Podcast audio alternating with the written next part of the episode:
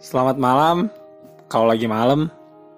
Kalau lo dengerinnya pagi, siang atau nggak sore, ya bodo amat lah, gue bikin malam-malam suka-suka gue.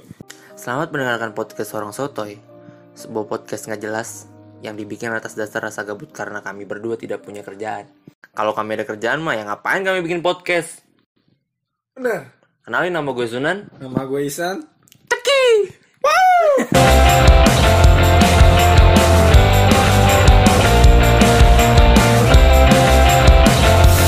Jadi podcast ini mau dibawa kemana, San? Mana aja lah, suka-suka kita. Ah, nggak jelas jatuhnya kalau kayak gini, San. Ya udah tulus, lo maunya gimana? Ya nggak tahu gue, mikir lah.